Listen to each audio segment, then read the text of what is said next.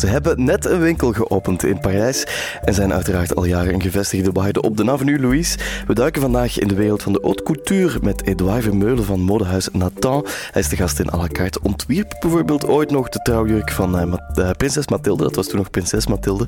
Ik heb dat toen nog op tv gezien. Dat was een interessante beleving. Wanneer was dat? Lang geleden. We gaan het hem straks allemaal vragen. À la carte. À la carte. À la carte. Met Robbe Petitjean en Philippe de Rijken. Edouard Vermeulen, goedemiddag, welkom. Hoe gaat het met u? Alles goed, alles Ja? goed. Mhm. Eh, hoe bent u uw dag begonnen vandaag? Hoe lang? Oh. Nee, hoe bent u uw dag begonnen? Ah, de dag begonnen. Eh, ja, ik ben begonnen eh, direct op de Louiselaan. eh twee afspraken.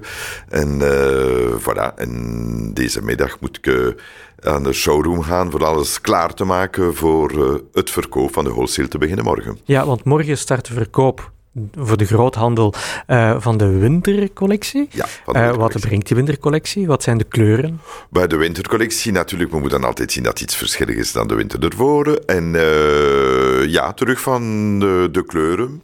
Dus wij verkopen bij Nathan ons allee, positief punt, zeker en vast, is ook het verwerken van kleuren. Mhm. Groen Ja. bijkomt dit jaar, er komt veel groen bij, blauw. En eh, voor een beetje onze grijze hemel te beetje Op de fleuren? te ja. fleuren. Ja, oké. Ehm, wat was uw eerste gedachte van morgen toen u opstond? Bij deze gedachten zijn altijd een beetje eh, de gedachte wat te zeggen dat, me, allee, dat, ik, eh, dat ik gelukkig ben van mijn werk te doen. Dus Je moet dankbaar zijn, dat is altijd eerst dat. Van te zeggen, ik maak dan een programma, ik neem eh, mijn agenda, een papiertje en opschrijven. Dat niet vergeten, dat niet vergeten, als je met de verouderen moet je toch meer en meer opletten. En eh, van wel te zien wat dat er al moet opgelost zijn vandaag. En dan, ja, je weet hoe dat komt. Je komt op bureau toe en ik zeg, dikwijls komen daar twee, drie personen naar mij voor zeggen... eh Edouard, je moet dat doen. Edouard, eh, meneer Vermeulen moet dat beslissen. Is dat in orde? Ja. Dan klanten bijkomen. Ja. Dan mensen die, wisten, die wilden een bezoek maken van de ateliers. Het was heel hectisch deze Ja, ja, ja. Op, eh, op kantoor is het meneer Vermeulen of Edouard? Beide. Beiden. Beide, pas ik zeg, het is, eh, voilà, ik denk dat dat belangrijk is. Eh, natuurlijk, eh, nee, beide, maar ik heb het altijd res- het respect over de mensen. Mhm. En dat is ook zo begonnen. En nu kom ik er natuurlijk met veel jongere mensen Ja. door, dus voilà, Ja. dat is niet belangrijk. het nieuws eh, gehoord vanmorgen, geluisterd naar het nieuws. Is dat iets wat Ja, u... Ja. wat is u het bijgebleven in het nieuws Ja, vandaag? het nieuws, eh, ik ben een beetje bang voor eh, wat dat er al gebeurt eh, ja, in het geheel eh, in onze wereld. Maar vooral nu in eh, China. Que ik zeg, eh, ja, is dat nu het begin van een heel enorm probleem dat er gaat internationaal komen? Of ja. gaat dat natuurlijk, je een beetje moeite om te weten, een stad van 11.000 van 11 miljoen inwoners, hoe dat, dat gaat opgelost zijn. Eh, de mensen, ja, ik denk dat het eh, British Airways heeft alles eh, nu gestopt. Wat gaat er nog bij komen?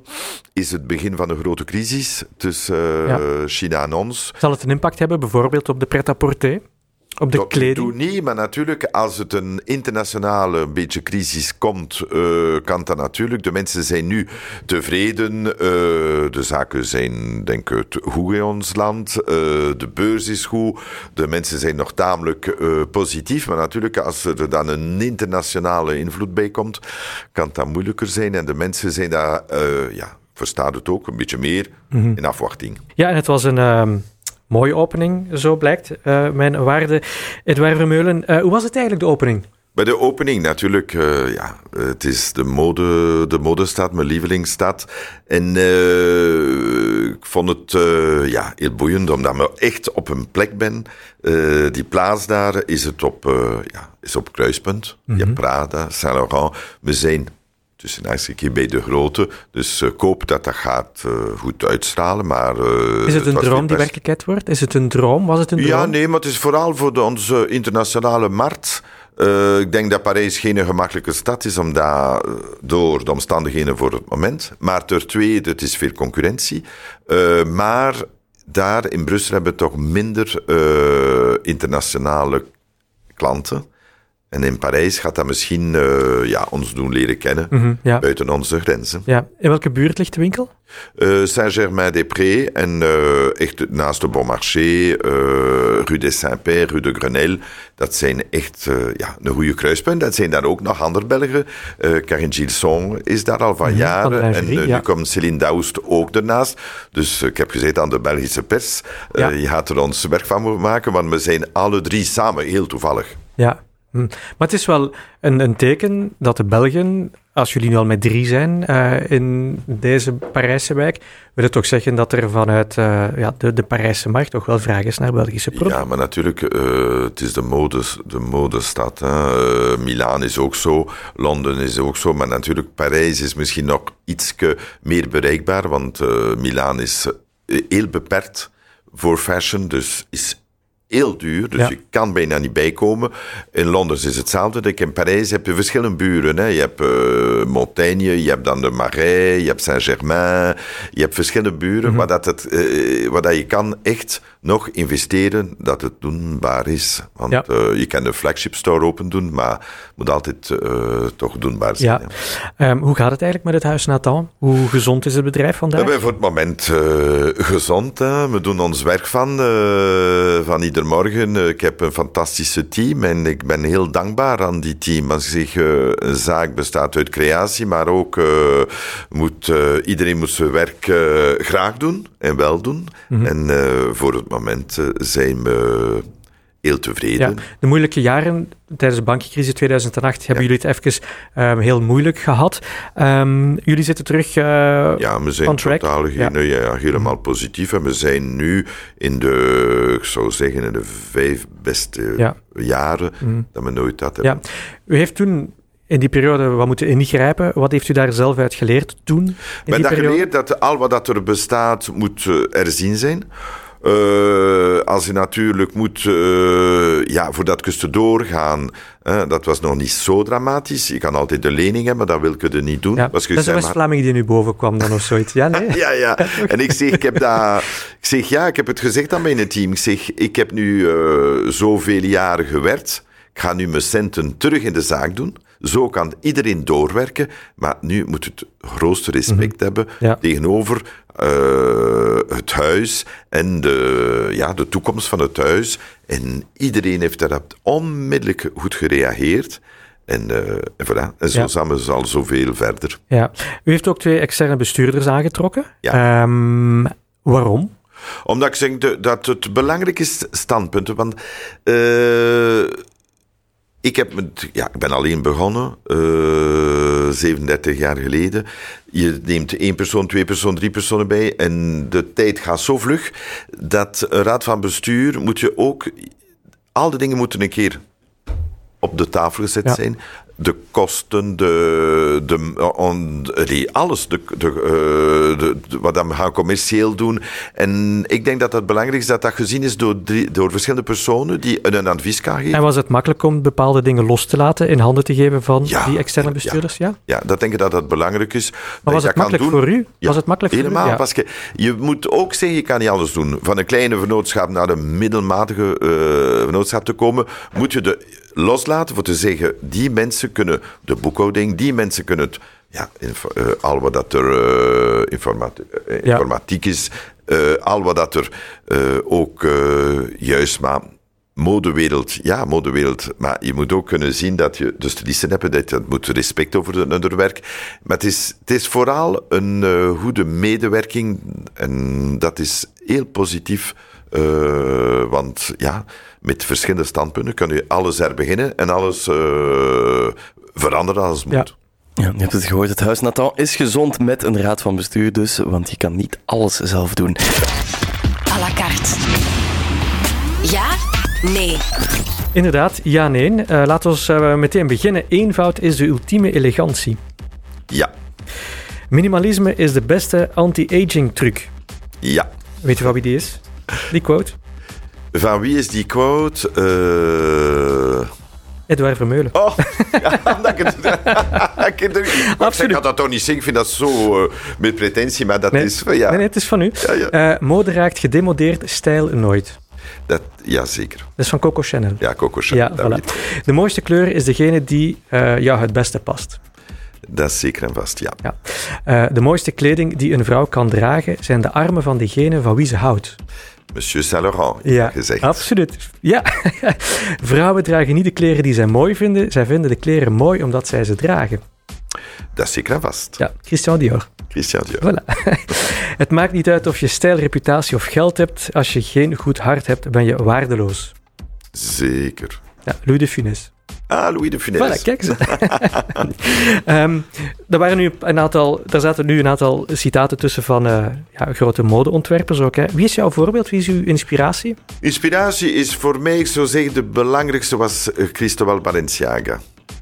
Eh, wat dat die mens gedaan heeft van kledij in de jaren 50, vond het zo elegant. Natuurlijk is Monsieur Dior, Christian Dior, dan ook, vind het ook eh, fantastisch. Maar ik denk, eh, natuurlijk is hij nu veel meer bekend, Christian Dior, omdat dat, dat huis is nu door LVMH overgenomen en je spreekt maar over Dior. Maar Balenciaga is voor mij eh, de kledij van die periode het elegantste dat er, bestond. Je hebt het ook, ik ga het nooit vergeten, het mooiste trouwkleed was de koningin Fabiola. En dat was Balenciaga. Aha, oké. Ehm, wat is ehm, de lijn, de, handtekening van eh, Maison Nathan? Ik zou zeggen, eh, een mooie snit, mooi materiaal. Maar vooral het vrouwelijk. Ik denk dat het eh, voor mij, eh, als we met ons team werken, ik zeg altijd, het moet vrouwelijk zijn, moet iets verjongen en moet draagbaar zijn. Als je die drie samen kan doen, is normaal gezien het product Ja, op punt. op punt. U kleedt nu al meer dan 35 jaar dames, vrouwen. In hoeverre zijn, is de vrouw geëvolueerd? Massaal. Oké, Voor mij, in mijn tijd, eh, nooit vergeten, ik zeg het altijd, eh, ik begon met drie generaties. Maar nu bestaat er maar één en een half maar. Dus de mensen willen jonger en jonger uitstralen. Die willen, eh, iedereen wil hetzelfde dragen. Tussen haakjes van, niet van eh, stijl, maar van use of eh, kledij. Die willen casual zijn, die willen sneakers hebben, die willen... Maar al de, iedereen door. Maar wat dat er ook heel belangrijk is, dat ik het altijd zeg... Het is in het atelier, de mensen als ze ons atelier komen bezoeken, zijn ze altijd verbaasd als ik zeg dat de vrouw helemaal, de figuur is helemaal veranderd. De taille is op 20 jaar 7 centimeters verbreed. oké. Hoe komt dat? Omdat ik denk, de vrouwen zijn groter gekomen, de jeugd is ook groter, meer schouders, minder heupen en minder taille. Ja, Dus al onze bustes hebben dus juist maar die evolutie, dat je kan aan inbeelden, dat eh, vroeger hadden we fijnere vrouwen of zwaardere mensen. Nu komt dat een beetje tussen elkaar door het sport, door eh, ja, de voeding. eh, dat ben ik, maar dat is een groot, groot, groot verandering de laatste jaren. Niet alleen het dragen, niet alleen de stijl, maar ook de figuur. ja. Welke goede raad geeft u mee aan vrouwen die bij u komen kopen, ko- kleren komen passen? Zo meer mogelijk bij ons te komen kopen, Ja, uiteraard. uiteraard. Maar als ze daar dan staan Nee, met het nee, kleed... maar dat ze kunnen iets dragen. Dat, ik zeg altijd de verkoopsters, je moet zien dat de klanten eh, gelukkig zijn van wat dat ze kopen. Was een klant die gelukkig is, is een klant die terugkomt. En wij hebben echt eh, trouwe klanten. En ik zeg, je moet het, ja, je moet je niet, je moet een beetje eh, een goed voeder hebben, maar ter tweede ook hoe beslissen, maar Ja. hoe, hoe nadenken. En eh, ik denk het is service, kwaliteit en eh, ook wat dat de klanten komen ook terecht voor uw stijl. Hè. Die komen ook eh, in een huis meer door de social media zelfs. Ja. Iedereen is een beetje nu zeker en vast op de hoogte wat dat een huis en wat dat er te koop staat in de winkel. Ja. Wat is de vestimentaire afknapper van formaat voor u? Voor een vrouw? Voor een vrouw, eh, ja, ik denk het voornaamste voor een vrouw, voor mij, is de houding. Mhm. Niks te zien met de kledij. Nee, de De houding. Het was een vraag van, mijn, eh, van een collega van mij. ehm, die zei, kijk, ehm, hoe verzoen je de creatieve geest van de ontwerper met de goesting van de vrouw? Ik denk dat, eh, ja, daar is het heel belangrijk. Ik zeg het altijd aan onze team, onze stilistenteam. Ik leef en ik zie veel mensen. Uh, je ziet wat dan de mensen dragen. Van die evolutie kan je misschien denken wat dat ze zou, naar waar dat ze zouden gaan. Dus vandaag is het niet alleen, ik zeg dat, is het niet alleen al, uh, op een papier te zetten. Het is meer te zien, te gaan. de touch van de, van de stoffen ook. En nu is het echt evenveel in uw, in uw markt ook te kunnen doorgaan, mhm. dan echt het stilisme, dat doen we een beetje voor de couture, voor de persdagen en zo dingen, voor ons plezier te doen, maar uh, we moeten goed nadenken. Ja, um, de sector waar u in actief bent, de haute couture, is uh, sinds een aantal jaren heel erg veranderd, onder meer met de grote groepen, à la LVMH, de grote luxe merken. Hoe kijkt u daar naartoe? Ja, ik vind, dat uh, ik vind die groepen fantastisch. LVMH doet het natuurlijk ongelooflijk. Uh, de markt is, uh, de mode is natuurlijk veel meer zichtbaar dan vroeger. Dus de mensen zijn ook meer bewust.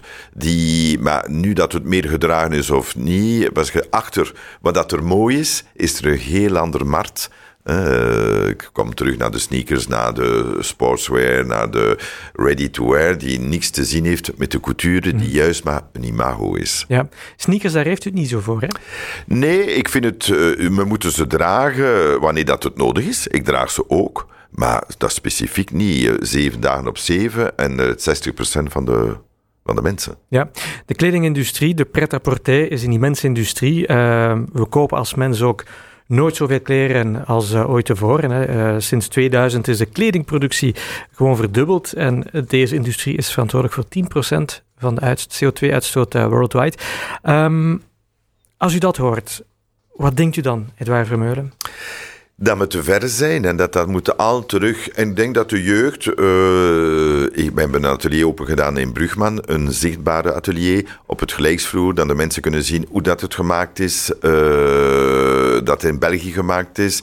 En je voelt dat de jeugd dat heel gemotiveerd is, want die hebben echt in uh, die tien laatste jaren met die grote ketens, de, e-commerce en al te veel, te veel, te veel gekocht hebben. Te veel, uh, ja, te veel van alles. En uh, ik denk dat er dan nu kopen terug gaat komen, dat de mensen gaan willen minder aankopen, maar beter aankopen, Belgisch aankopen. Ja. Misschien kopen in de, terug in de straten gaan voor te kunnen passen en al. Ja, denkt u dat dit uh, ooit terugkomt? Want... Ik denk het, want Waarom? als ik spreek met jeugd, uh, zeggen ze ja, we zijn, uh, ja, we zijn een beetje over van die overproductie. Ze ja. zie onder kleerkast, ik mm -hmm. heb een nichtje, en ze zei ook, als ik mijn kleerkast open doen, ik vind het bijna niet meer normaal. Mm -hmm.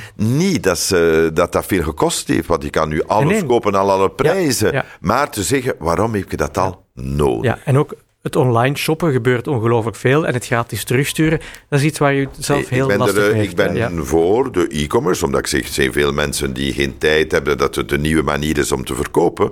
Maar ik denk dat er zou moeten een wet komen of iets uh, dat, wat dat er gezonden is, gratis is, maar het moet terug uh, ja. komen, dat is zeker vast niet meer. Betalen, ja. Nu is er geen elke grens.